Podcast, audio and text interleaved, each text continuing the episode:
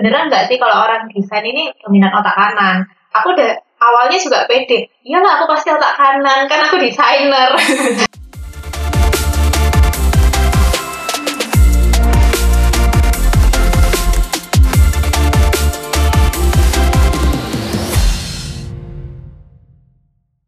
Hai Elevate Squad, welcome back to Elevate Podcast, tentunya di segmen Ruang Kreatif.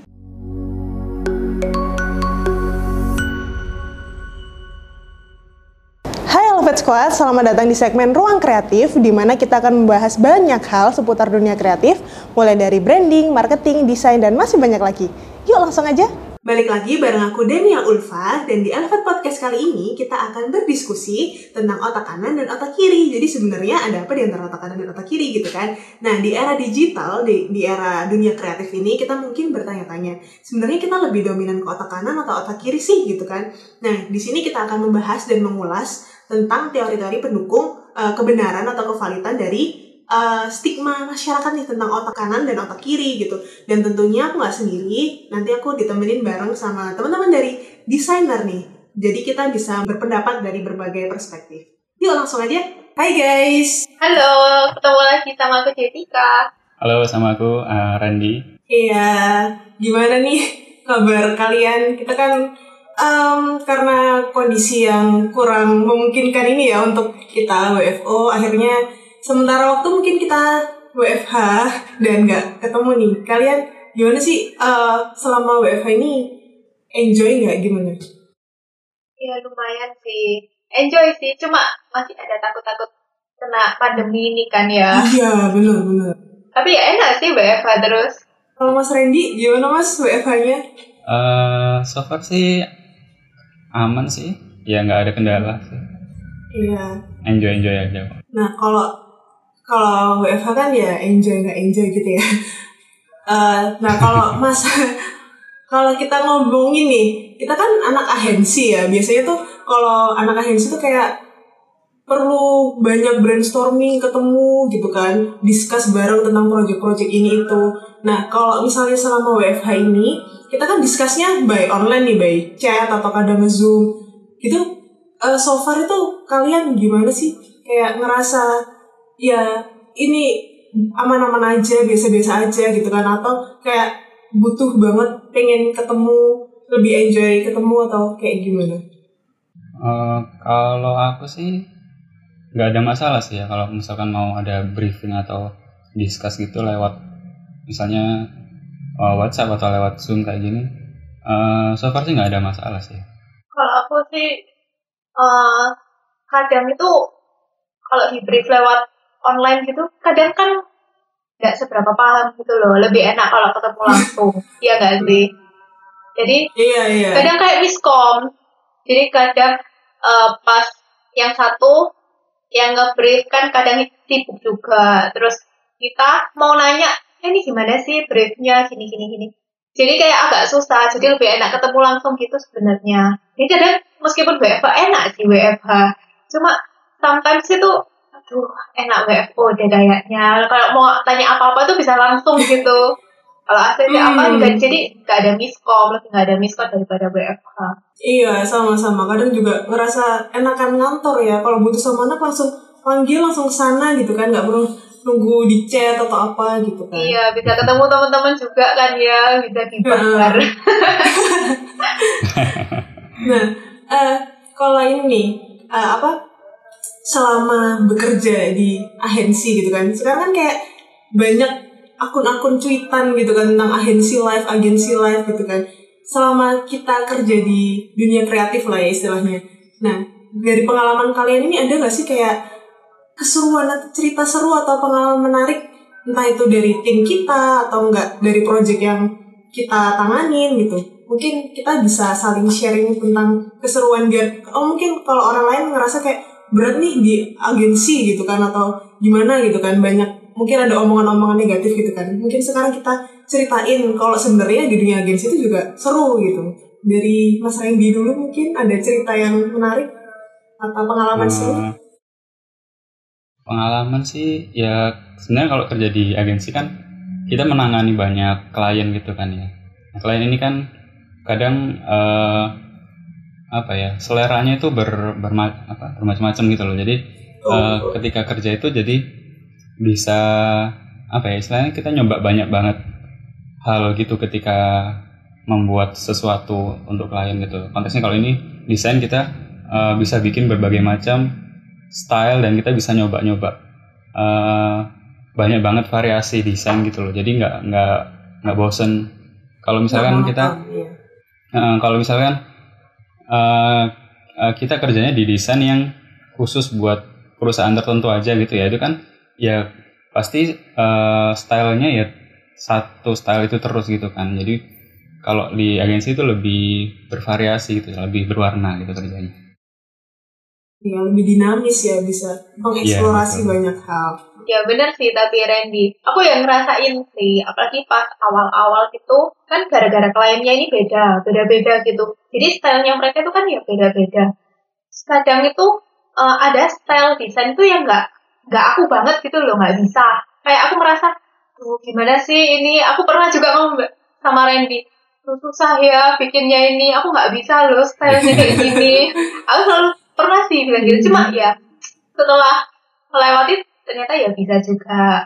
Terus juga asiknya apa ya? Orang-orangnya di agensi ini unik-unik sih. Kayak Di gimana tuh? agensi kita. Bisa diceritain uniknya kayak gimana? ya, unik-unik kayak em, Aksi gitu ya. lucu lucu lucu sih. Jadi asik, seneng juga, ketika enjoy. Iya. Terus kadang juga kalau misalnya ada klien nih butuh ada keperluan syuting atau foto produk terus kita diajak visit nih ke ke tempat mana event-eventnya gitu kan juga sebenarnya kan seru kan. Cuma karena lagi pandemi sepertinya event-event beralih ke online jadinya. iya dulu sempat eh, kayak diajakin makan-makan juga buat nyobain Wah, wah enak tuh. nyobain eh, ada kan kliennya kayak resto gitu kan itu nyobain makanannya di situ gitu gitu sih Iya. Enak sih. Aku belum belum pernah nyobain. belum ya belum, belum. Next ya semoga. Next kita dan ditunggu aja Gitu. iya ditunggu aja kan kalau sekarang kita kan discuss tentang agensi life gitu kan. Nah, kalian berdua ini kan kebetulan role-nya eh, sama nih brand designer dan aku sendiri kayaknya yang beda di sini ya. Nah, itu kayak bisa ceritain nggak kayak scope kerja kan kalau di dunia agensi itu katanya harus bisa semuanya, harus bisa ngerjain semuanya gitu kan. Bahkan desainer pun nggak cuma desain gitu kan. Mungkin kalau dari kalian itu selama jadi brand designer itu eh, ngapain aja sih gitu kerjaannya? Yang pasti desain kan yang pasti yang selain ru- ruang lingkup lainnya. Kalau yang selain desain sih ada macam-macam ya kayak eh, konsep gitu misalnya eh, bikin eh, ada klien baru nih. Nah klien baru ini eh, perlu misalnya kayak rebranding. Nah rebranding ini kan kita perlu juga konsep bikin konsep baru. Kira-kira di rebrandingnya kayak gimana gitu. Eh, terus ngeriset juga eh, kayak apa ya eh, pesaing-pesaingnya terus referensi-referensinya. Jadi eh, kalau yang selain desain sih itu. Terus bisa juga kayak ngeplot Instagram. Jadi kan eh, di sini itu juga pegang eh, Instagram akun-akun sosmednya klien juga kan. Nah Iya. di situ eh, kadang juga ngeplot gitu loh. Jadi sebulan ini mau eh, nguploadnya apa aja gitu Mm, Bikin Kadang juga- konten plannya gitu ya. ya konten plan gitu kan biasanya juga dibantu sama Dania juga sih Iya. Dan dia yang bagian kita kalau bingung, ini gimana sih? Tulisnya gimana sih? Ini ngomongnya gimana? Nah iya. Kalau dari Jessica mungkin Ya kurang lebih sama sih. Karena kan dia sama-sama desainer juga. Biasanya juga ngeplan. Eh, kadang juga hmm, kalau misal klien ini mau ada promo nih buat bulan ini. Dan kadang kita tuh juga mikir, mikirin mau promo apa ini. Kita ajuin Iya, ke kliennya. Terus eh, event apa sih? Event apa? Kita bisa bisa eh, ajuin juga gitu.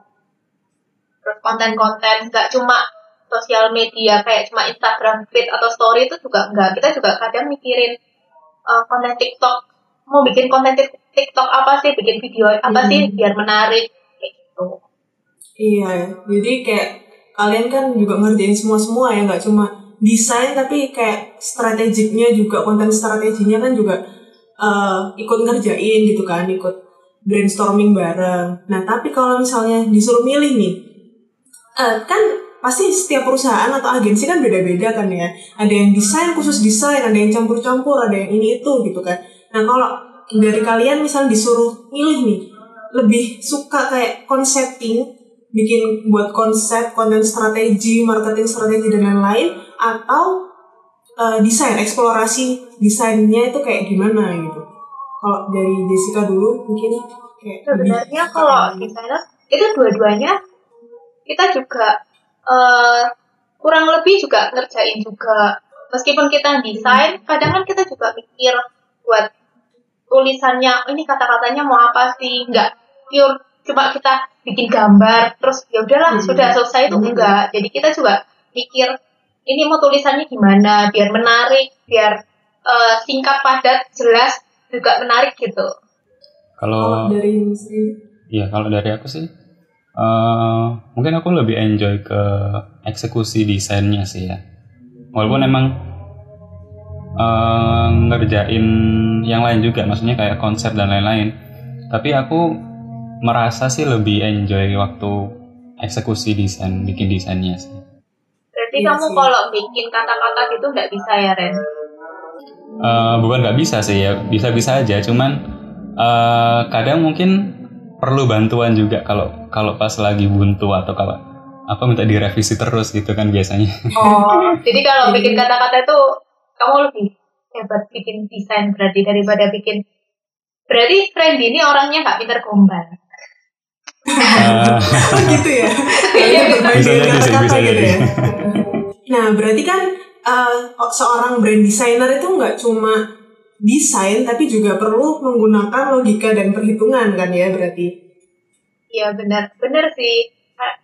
Anak desain ini juga nggak cuma desain doang gambar doang, tapi ya pasti pakai logik juga pastinya. Hmm. Kalian percaya nggak sih itu apa ada otak kanan otak kiri? Kan uh, kalau orang desain ini terkenalnya kita tuh pakai otak kanan daripada otak kiri.